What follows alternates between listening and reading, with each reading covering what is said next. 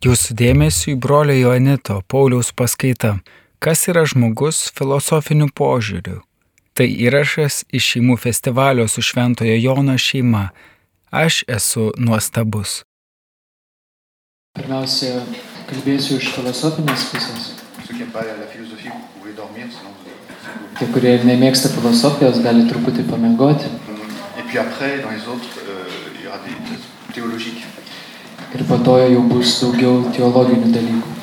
Pourquoi est-ce que l'homme est, est- est magnifique Kodėl žmogus yra nuostabus? Qu'est-ce qu'est-ce qui fait qu'un homme est magnifique Kas lemia, kad žmogus yra nuostabus? C'est une question très ancienne de la philosophie. Qu'est-ce que l'homme et, et qu'est-ce qu'il est Tai labai senas filosofijos klausimas. Kas yra žmogus ir kas yra? Est-ce qu'il est un, un être spirituel ou est-ce qu'il est uniquement matériel Ar žmogus yra dvasinė būtybė ar tik tai medžiaginė būtybė? Est-ce qu'il est une créature de Dieu ou est-ce qu'il est le résultat d'une évolution hasardeuse? Dans les deux cas, c'est magnifique.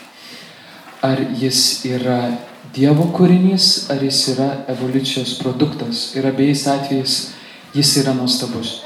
Est-ce que c'est un être libre ou un être déterminé qui n'est pas libre en fait? Ar jis yra laisvas, ar jis yra determinuotas, apspręstas? Est-ce que c'est simplement un animal qui est un peu plus évolué que les autres ou est-ce qu'il y a quelque chose de fondamentalement différent des autres euh, mammifères? Ar žmogus yra tik tais gyvūnas truputį daugiau evoliucionavęs, ar yra kažkas iš esmės kito žmoguje? Est-ce qu'il a une conscience? Ar jis turi sąmonę? Et d'où ça vient? Ir iš kur ji kyla? Et on peut tous observer si on, que l'être humain a une conscience. Ir visi galime pastebėti, kad e, žmogiška būtybė turi sąmonę. Quelque chose qui lui dit ce que je m'apprête à faire, c'est pas bien. Kažkas, kas sako, kad tai, ką aš žadu padaryti, nėra gera. Là, c'est le petit ange sur les- sur l'épaule du, du- du gars avec son gourdin. Tai yra mažas angeliukas ant, ant pėties. Il y a une petite voix qui nous dit ce que je vais faire, c'est bien ou c'est pas bien. Et ça, c'est proprement humain. Yra tas uh, balselis, kuris sako, tai, ką aš darau, yra gera arba bloga ir tai yra grinai žmogiškas dalykas. Un chat qui joue pendant une demi-heure avec une petite souris et puis qui l'écrase, il va jamais se dire c'est pas bien ce que j'ai fait. Katė, kuri žaidžia su maža pelytė ir galiausiai ją sutraiško, niekada nesakys, tai nėra gerai, ką aš padariau ką tik. Donc. Taigi žmoguje yra kažkas daugiau. Et chez l'homme, est-ce que c'est quelqu'un de foncièrement bon ou est-ce que les hommes sont des loups pour les uns, les uns pour les autres, comme disait Hobbes Ar žmoguje yra kažkas gero, ar žmogus žmogui yra vilkas, kaip sakė filosofas Hobbesas. Alors, si on avait plus de temps, ce serait très intéressant de regarder toutes les grandes idéologies et quelle vision elles ont de l'homme. Jeigu turėtume daugiau laiko, būtų labai įdomu pažiūrėti didžiasias ideologijas ir ką jos sako apie žmogų. Comment Marx réduit l'homme à sa fonction de travail? Kaip e, Marksas redukuoja žmogų į e, darbą. Comment Hitler fait une hiérarchie entre des groupes de personnes? Les supérieurs doivent prendre la place des inférieurs. Kaip Hitleris daro kategoriją žmonių, kur aukštesnės klasės turi užimti vietą žemesnių klasių žmonių. Quelque chose de très darwinien, darwinien dans, dans l'idéologie de Hitler. Kažkas labai darvinistiško nacijų ideologijoje. Il faudrait regarder aussi tout ce que la notion, tout ce que la- le christianisme a apporté, tout ce que la pensée chrétienne, pardon, a apporté à la notion de personne, a développé la- tout ce qu'elle a développé sur la notion de personne. Būtų taip pat įdomu pažiūrėti, ką visą tai, ką krikščioniška mintis pasakė apie žmogaus asmenį. La vision que l'on a de l'homme, la compréhension que l'on a de l'être humain n'est pas neutre, elle oriente notre façon de nous comporter. Mūsų vizija apie žmogų, tai yra tai, kaip mes suprantame žmogų, nėra neutralu, ji lemia mūsų poelgius. Et il existe bien sûr des différentes idéologies, des différentes opinions sur qu'est-ce que l'homme. Ir žinoma, yra skirtingos ideologijos, skirtingos nuomonės, kas yra žmogus. Et il existe aussi une vision chrétienne, évidemment, de qu'est-ce que l'homme. Ir žinoma, taip pat yra krikščioniška vizija, kuri e, atsako, kas yra žmogus. Et vous dire, mais alors pourquoi la vision chrétienne serait meilleure que les autres Qu'est-ce que la vision chrétienne apporte de plus que les autres Ir aišku, galima paklausti, kodėlgi krikščioniška išvalga turėtų būti geresnė negu kita, ką jinai atneša geresnio. Et là, c'est très important de comprendre que la vision chrétienne de l'homme n'est pas idéologique. Elle ne se, passe, elle ne se base pas d'abord sur la foi. Ir tai, ką pirmiausia labai svarbu suprasti, tai kad krikščioniška perspektyva, jinai nėra ideologinė, jinai pirmiausia nesiremia tikėjimu. La vision que le christianisme prend de l'homme est celle qui se base sur la raison, celle que je peux observer, celle que Aristote avait déjà observée. Krikščioniška perspektyva pirmiausia remiasi protu, tai yra tai, ką aš galiu pats pamatyti, tai, ką jau Aristotelis pamatė. Et je peux découvrir, et Aristote l'avait découvert, que l'homme est raisonnable.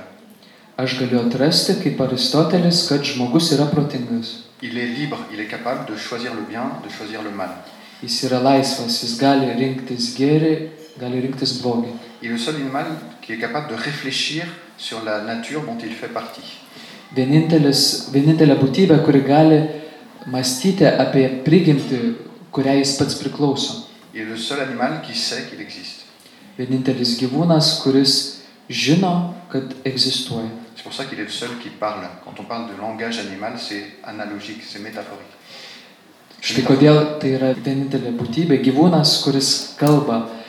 Kai svarstome apie gyvūnų kalbą, mes e, kalbame metaforiškai. Et il y a différentes activités, alors je vais essayer de donner les principales, que le philosophe peut observer chez la personne humaine. Ir yra skirtingos veiklos, kurios filosofas gali išvelgti e, žmoguje. Son expérience du travail, c'est la philosophie de l'art. Darbo patirtis tai yra meno filosofija. L'expérience de la vie et de la mort, philosophie du vivant la découverte de l'âme humaine.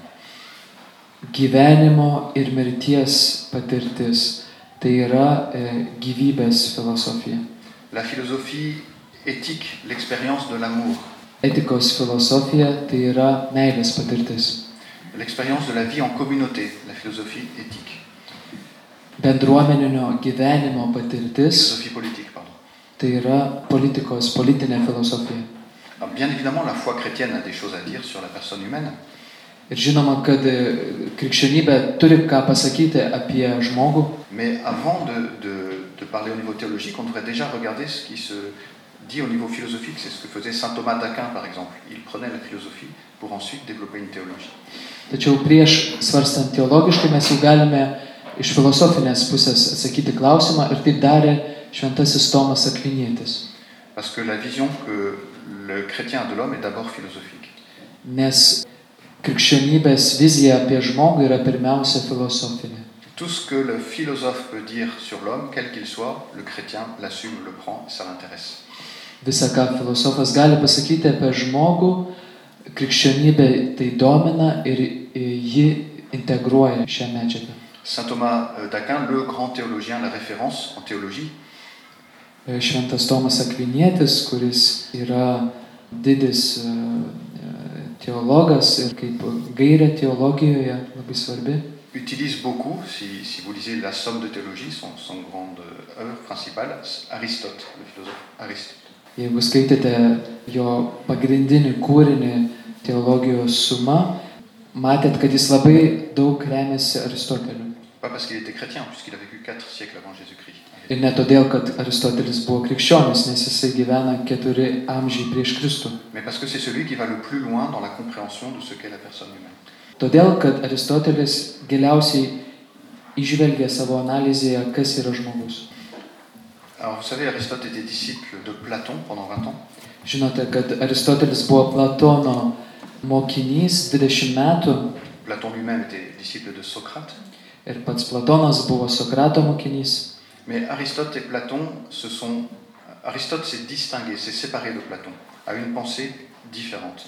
Tačiau Aristotelis atsiskyrė nuo Platono, jis turėjo kitą mąstymą. Euh, il y a cette phrase célèbre de Aristote, Platon et la vérité, je les aime tous les deux, mais la vérité plus encore.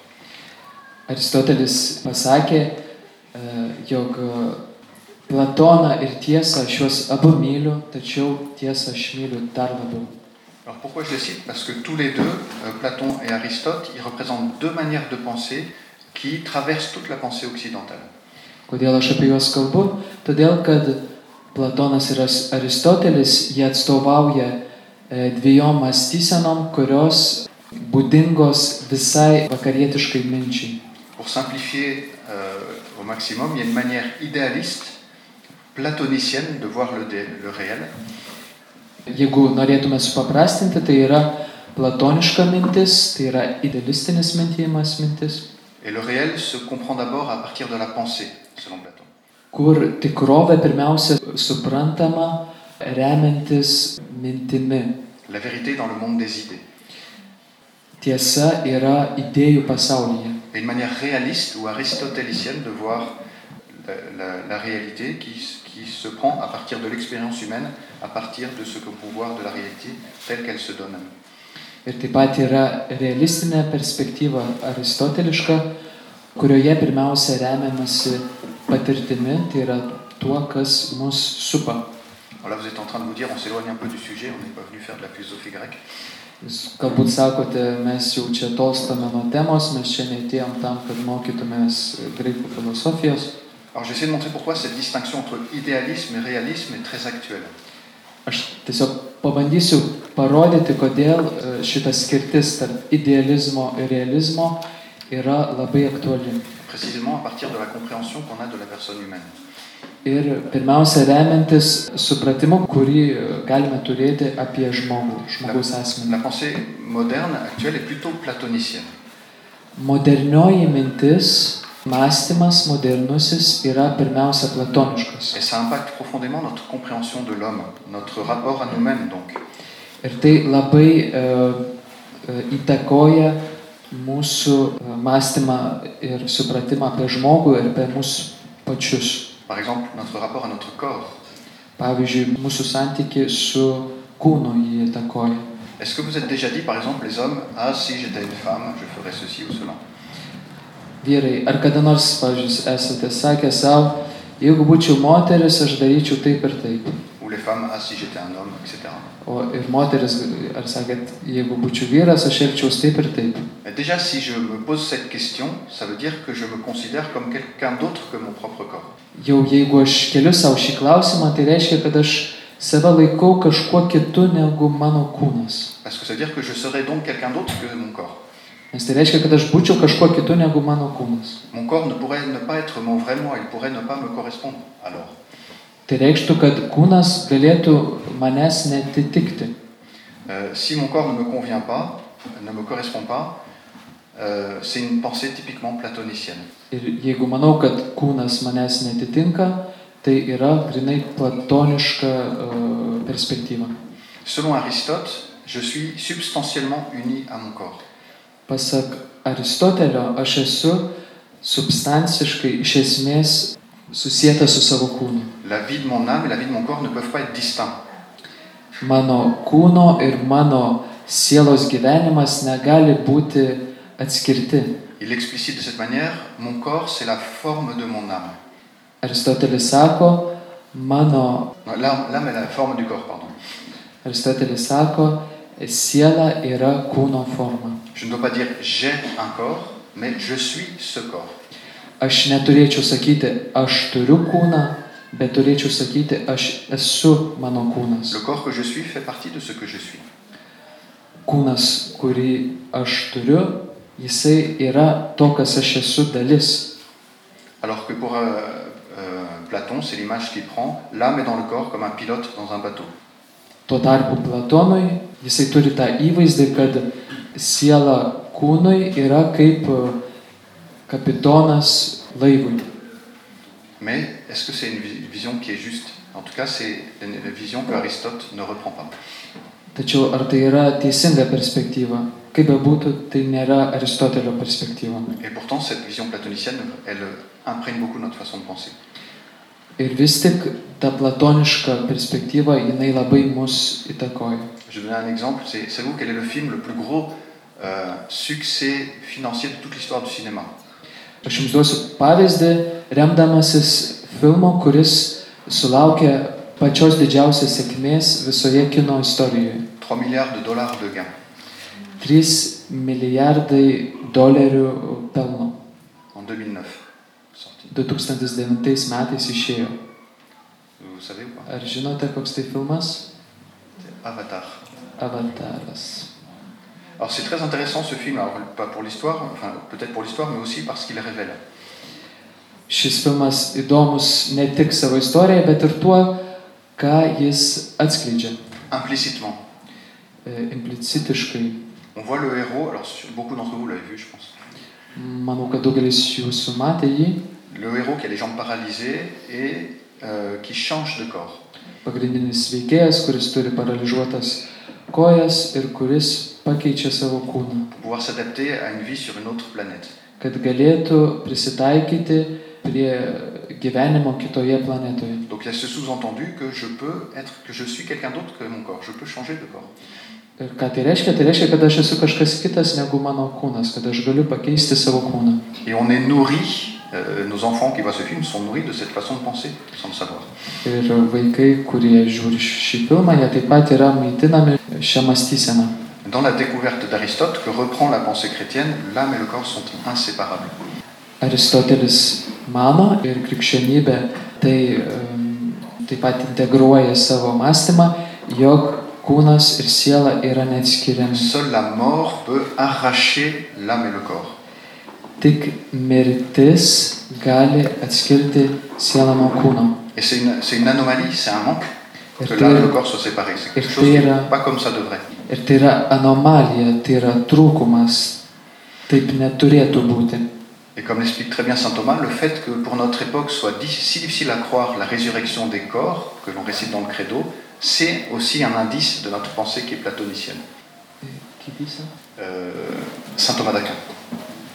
Non, c'est- ce que, ce, que, ce que dit saint Thomas d'Aquin, c'est, euh, je vais leur dire autrement, un, indice que notre, un autre indice que notre mentée est platonicienne, Kitas ženklas, jog mūsų mąstymas yra platoniškas, c'est comme il est difficile pour notre époque de croire à ce que nous disons dans la foi, la résurrection des corps.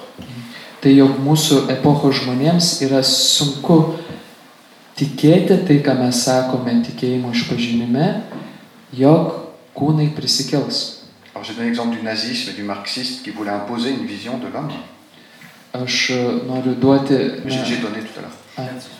Aš daviau nacijų ir marksistinę perspektyvą, kuri davė e, kėdoniai, kuri davė žmogaus viziją, kas yra žmogus. Et il y a une époque, une autre vision qui est très répandue actuellement, euh, actuelle, qui est associée à l'athéisme, qui est le matérialisme. Yra kita em, perspektyva šiandien, kuri yra paplitusi, kuri yra ateistinė, tai yra materializmas. Le matérialisme ne croit pas en dimension spirituelle de l'homme. Materializmas netiki dvasinę plotmę žmoguje, dvasinę dimensiją. Platon et Aristote, ils divergeaient beaucoup, mais au moins tous les deux, ils, ils n'auraient jamais eu l'idée de nier l'existence de l'âme. Platonas ir Aristotelis, jie labai skiriasi, tačiau nei vienas, nei kitas jie neneigia sielos. Alors que maintenant, on pense que tout vient, du, tout vient de la matière. Notre cerveau, c'est juste des connexions, de la chimie, de l'électricité. Tuo tarpu šiandien mes manome, jog viskas ateina iš medžiaginės tikrovės, iš smegenų, iš elektrinių impulsų tarp neuronų. Il y a un, un savant qui a essayé de, de démontrer ça en écrivant un livre qui s'appelle L'homme neuronal, c'était en 1973. Yra vienas mąstytojas, kuris parašė knygą, kur būtent ginamos šios mintis ir ji vadinasi Neuroninis žmogus. Si on est croyant, on sait, on sait par la foi qu'on a une âme euh, immortelle, mais ça ne nous dispense pas aussi de la découvrir comme philosophe. Jeigu mes tikime, mes tikime, jog turime nemirtingą sielą, tačiau tai nereiškia, kad mes neturėtume pasistengti jos atrasti taip pat ir filosofiškai. La science moderne a fait tellement de progrès qu'elle a entraîné avec ces progrès une erreur de la, de la pensée moderne.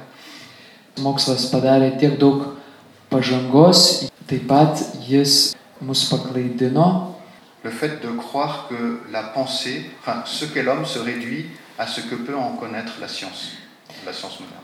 tai yra manyti, jog tai, ką galime pažinti apie žmogų, iš tikrųjų yra redukuota į tai, ką gali pažinti mokslas. Et ça, c'est la grande erreur actuelle, de penser que la science, au sens de science moderne, c'est le sommet de la connaissance. Tai yra didžiulė klaida mąstyti, jog aukščiausias e, žinojimas tai yra tai, ką gali pasakyti mokslas. Tout ce que la science n'explique pas n'est pas, n'est pas vrai ou, n'est- ou est contestable. Ir viskas, ką mokslas negali paaiškinti, tai nėra tikra. C'est pour ça qu'il est si important d'avoir un regard aussi philosophique sur l'homme, un regard de sagesse. Štai kodėl taip svarbu taip pat turėti filosofinį išminties žvilgsnį į žmogų. Il est indispensable de redécouvrir la liberté profonde que- de l'homme, qu'il est capable du bien et du mal. Yra būtina atrasti žmogaus laisvę, jog jis geba ir gėrį, ir daryti ir gerą, ir blogą. Et donc toujours une possibilité d'orgueil. Ir taip pat turi visada uh, puikybės pagundą. Euh, et une des manières de tomber dans l'orgueil, c'est de refuser ses limites, de refuser les limites.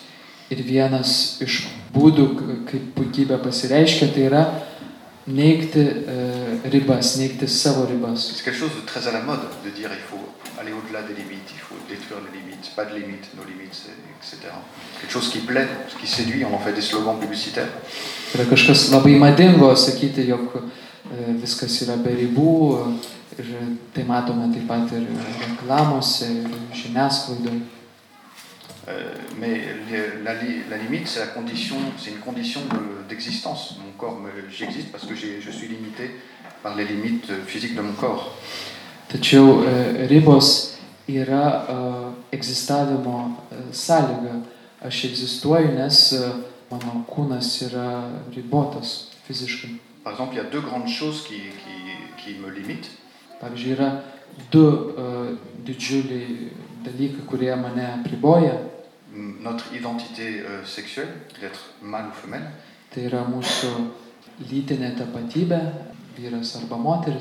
et puis notre condition de mortel, on va mourir.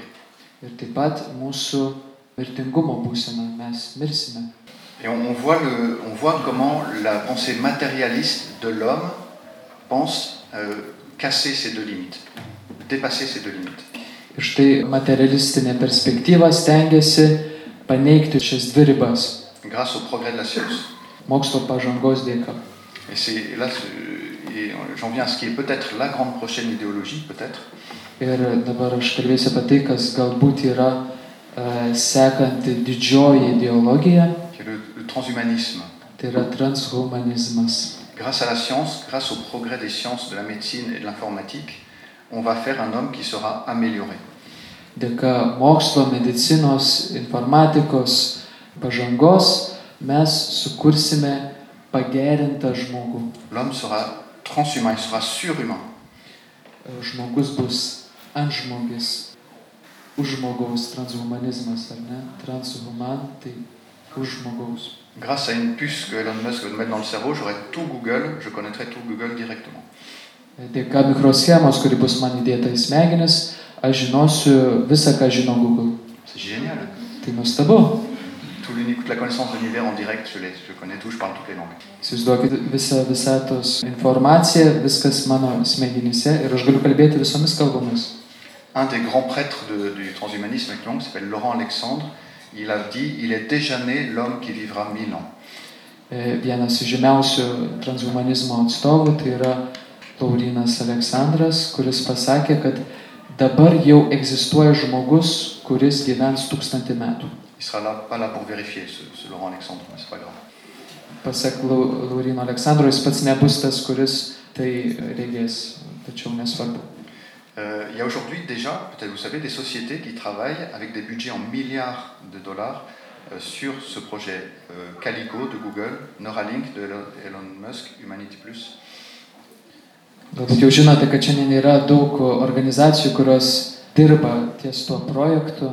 Tai tos organizacijos, kuris brolis išvardijo Neuralink, Google e, Humanity Plus. ir Humanity Plus. Vous pouvez chercher sur Internet vous. Galite paieškoti internete, rasite daugiau. Évidemment, toutes ces compagnies, elles justifient leurs travaux pour les progrès de la médecine. Ir žinoma, visos šios kompanijos, jos pateisina savo darbą, kalbėdamos apie medicinos pažangą. Mais bien, si vous lisez euh, ce que disent les, les- ces gens-là, c'est très clair que leur projet, c'est de faire un surhomme, un homme augmenté, un homme nouveau. Tačiau jeigu jūs skaitote, koks yra projektas šių žmonių, tai yra labai aišku, jog jie nori sukurti antžmogį, pagerintą žmogų, kuris išgelbės žmoniją, qui va vaincre la mort. kuris nugalės mirtį. Peut-être ça vous rappelle quelqu'un. Galbūt jums tai kažką primena. Euh, et on peut voir déjà les, les questions importantes que ces changements posent. Ir jau galime matyti svarbių klausimų, ku- kurie kyla iš šių, kurie gali kilti iš šių pokyčių. Si j'ai un bras inusable et très fort et très compétent, euh, il, sera, il sera payant ce bras peut-être. Jeigu aš turiu, pavyzdžiui, labai stiprią ranką, tai galbūt ją galima parduoti. Ir po to galime atnaujinti, visus e, kiekvieną mėnesį. Je serai dé- dépendant de la société qui, fait les, qui vend les mises à jour. Ir aš būsiu priklausomas nuo tos kompanijos, kurie updatina. Bref, le dernier domaine qui n'était pas encore trop merch- du domaine du commerce va devenir marchandage, marchandisable. Le- son propre corps va devenir marchandisable. Taigi paskutinis plotmė, kuri dar nebuvo komercializuota, tai yra žmogaus kūnas, jinai galiausiai taps e, e, komercijos dalimi. Et ceux qui refusent de rentrer dans ce progrès, ils vont devenir, comme l'on dit d'un un des chefs du transhumanisme, ce que les chimpanzés sont pour nous aujourd'hui. Ir Ceux qui refusent d'être augmentés, ils vont devenir, euh, pour les augmenter, ce que les chimpanzés sont. Ir taip kaip sako vienas transhumanizmo atstovas, sako, tiems, kurie nenorės tapti pagerintais, tai jie taps tuo, kas yra šiandien mums šimpanzės. Euh, si, euh, alors, euh, donc évidemment, la question se pose est-ce que c'est vraiment un progrès En quoi c'est vraiment un progrès aišku, galime iškelti klausimą, ar tai yra tikrai pažanga ir jeigu taip, tai kame yra ta pažanga. Si j'ai une mémoire artificielle, des yeux artificiels, des connexions partout, est-ce que je suis plus humain ou pas Jeigu aš turiu dirbtinę atmintį, dirbtinės akis ir visa kita pas mane dirbtina, ar aš esu e, žmogiškesnis ir kodėl? Est-ce que la- cette idéologie de transhumanisme n'a pas en fait une, ré- une vision très réductrice de l'homme Ar šita transhumanistinė perspektyva, jinai neredukuoja žmogaus? Est-ce qu'elle n'a pas une vision très... euh, est-ce qu'elle ne réduit pas l'homme à un ensemble de fonctions qu'on pourrait changer ou améliorer séparément les unes des autres? Argi ji neredukuoja žmogaus į funkcijas, kurias galime pakeisti ir keisti vieną su kitomis? Selon certains transhumanistes, bientôt ma pensée et ma mémoire seront transposables dans un ordinateur pour que je puisse devenir immortel. Pasak e, transhumanizmo atstovų, jau greitai e, mano protas ir mano atmintis bus galima įrašyti į kompiuterį, kad galėčiau gyventi amžinai. Sauf si j'appuie sur reset. Nebent spustelčiau ant resetą. Mais si c'est Aristote qui a raison, Bet jeigu Aristotelis sakė tiesą, si je suis mon corps, jeigu aš esu mano kūnas, si on me retire un bras ou un œil pour en mettre un autre, alors c'est moi-même qu'on qu'on diminue. jeigu man atima ranką arba akį, kad įdėtų kitą, tai e, mane pažydžia. Est-ce que je suis plus humain si j'ai un bras euh, électronique, un œil électronique Ar aš esu žmogiškesnis, jeigu aš turiu elektroninę ar um, elektroninę ranką ar akį? Évidemment, c'est légitime de réparer une fonction du corps qui est malade. Žinoma, tai yra visiškai teisėta e, atstatyti lyguistą mano kūno dalį. Et il faut se réjouir de ce que la médecine fait comme électronique pour les oreilles, pour, le, pour les organes artificiels, pour les gens malades. Žinoma, reikia džiaugtis tą pažangą ir tai, kuo e, medicina daro, kurdami klausos aparatus ir panašius dalykus elektroninius ligonėms. Est-ce que c'est la même chose de remplacer un membre défaillant quand il est en bonne santé? C'est pas la même chose de réparer quelque chose de malade et de changer une fonction qui est en bonne santé. Ir tai ne- nėra tas pats dalykas a, atstatyti tai, kas e, serga ir e, pagerinti tai, kas jau yra sveika. Et si Aristote a raison, alors l'âme n'est pas l'âme humaine n'est pas matérielle, mais elle est spirituelle. Ir jeigu Aristotelis sako tiesą, e, siela nėra medžiaginė, bet jinai yra dvasinė. Ma capacité de comprendre, ma capacité de d'aimer, qui sont purement humaines, certes utilisent mon cerveau, mais ne viennent pas de mon cerveau. Mon cerveau n'est qu'un outil, un instrument. Mano mąstymas ir gebėjimas mylėti, jie žinoma naudojasi mano smegenimis, tačiau smegenis yra tik tais įrankis mano sielai. Le cerveau est l'instrument de mes pensées et de mon amour, il n'en est pas la source. Smegenis yra įrankis mylėti, mąstyti, tačiau nėra šaltinis. Ma source d'aimer et de comprendre, elle est spirituelle. Il n'y a aucun risque qu'on arrive un jour à la mettre sur un ordinateur parce qu'elle est immatérielle. Taigi šaltinis mano gebėjimo mylėti ir mąstyti yra dvasinis ir todėl nėra rizikos ar galimybės tai įdėti į, į kompiuterį. L'autre limite que j'ai citée, c'est la dimension sex- sexuée de l'homme, homme ou femme. Kita riba, kurią aš minėjau, tai yra a, lytiškumas. L'homme doit pouvoir déterminer, selon cette pensée, s'il est homme ou femme. Lui, il doit pouvoir décider lui-même, il doit être libre de décider lui-même. Pasak š- e, šio mąstymo, žmogus turi pats nuspręsti, ar jis yra vyras ar moteris. Et c'est là qu'on comprend comme l'idéologie transsexuelle, qui est très à la mode aujourd'hui, est très liée à l'idéologie transhumaniste. Ir čia galime suprasti, kad transseksualizmo ideologija yra labai susijusi su transhumanizmo ideologija. Parce que c'est ceux qui nous montrent qu'il faut casser les limites, qu'il faut casser ce qui nous empêche d'être vraiment ce qu'on désire être. Tačiau, kadangi abu kalba apie tai, jog reikia paneigti ribas, kurios trukdo mums būti tuo, ko mes norime būti. L'un des grands prêtres de la pensée transhumaniste s'appelle James Hughes, a dit, citation, Les transsexuels sont les troupes de choc du transhumanisme. Vienas iš e, svarbiausių atstovų transhumanizmo, e, James Hugh, yra pasakęs, e, transseksualai yra pirmose fronto gretose transhumanizme. Il faudrait développer beaucoup, ce serait passionnant, mais malheureusement, il reste 5 minutes, alors je vais euh, conclure. Aišku, galėčiau apie tai daug kalbėti, bet dėja lieka tik penkios minutės, todėl reikia man apibendrinti. Alors, comment ne pas tomber dans l'idéologie transhumanisme ou dans quelconque idéologie d'ailleurs? Taigi, kaip e, mums nesusivilioti transhumanizmo ar bet kokia kitokia ideologija? Évidemment, si on a la foi, ça nous protège, mais là, je voudrais rester au niveau philosophique. Žinoma, jeigu mes turime tikėjimą, tai mus saugo, tačiau aš noriu dar pasilikti prie filosofijos. Le transhumanisme, c'est celui qui n'a pas découvert que l'homme est magnifique. Transhumanistas tai yra tas, kuris netrado, kad žmogus yra nuostabus. Il n'a pas découvert que le corps humain est magnifique déjà tel qu'il est. Jis netrado, kad e, žmogaus kūnas yra nuostabus jau toks, koks yra. Alors, il faut redécouvrir ça. Taigi reikia tai atrasti. Je vais tr- proposer trois moyens, mais peut-être vous en proposeriez d'autres. Aš pasiūlysiu tris priemonės, galbūt jūs pasiūlysit dar daugiau. Le premier, c'est l'émerveillement devant la création, devant l'univers, devant son corps. Pirmiausia, tai žavėjimasis e, kūrinyje ir, e, ir taip pat savo kūnu. Ce qui conduit au deuxième, c'est de faire de la philosophie. Ir tai veda į antrąjį dalyką, tai yra filosofavimą. Très souvent, on n'ose pas se plonger dans ces réflexions sur les sciences modernes parce qu'on n'est pas bon en sciences, on est mathématique et on se dit ah moi je suis pas bon en sciences donc je peux pas rentrer dans, je peux pas réfléchir à ça.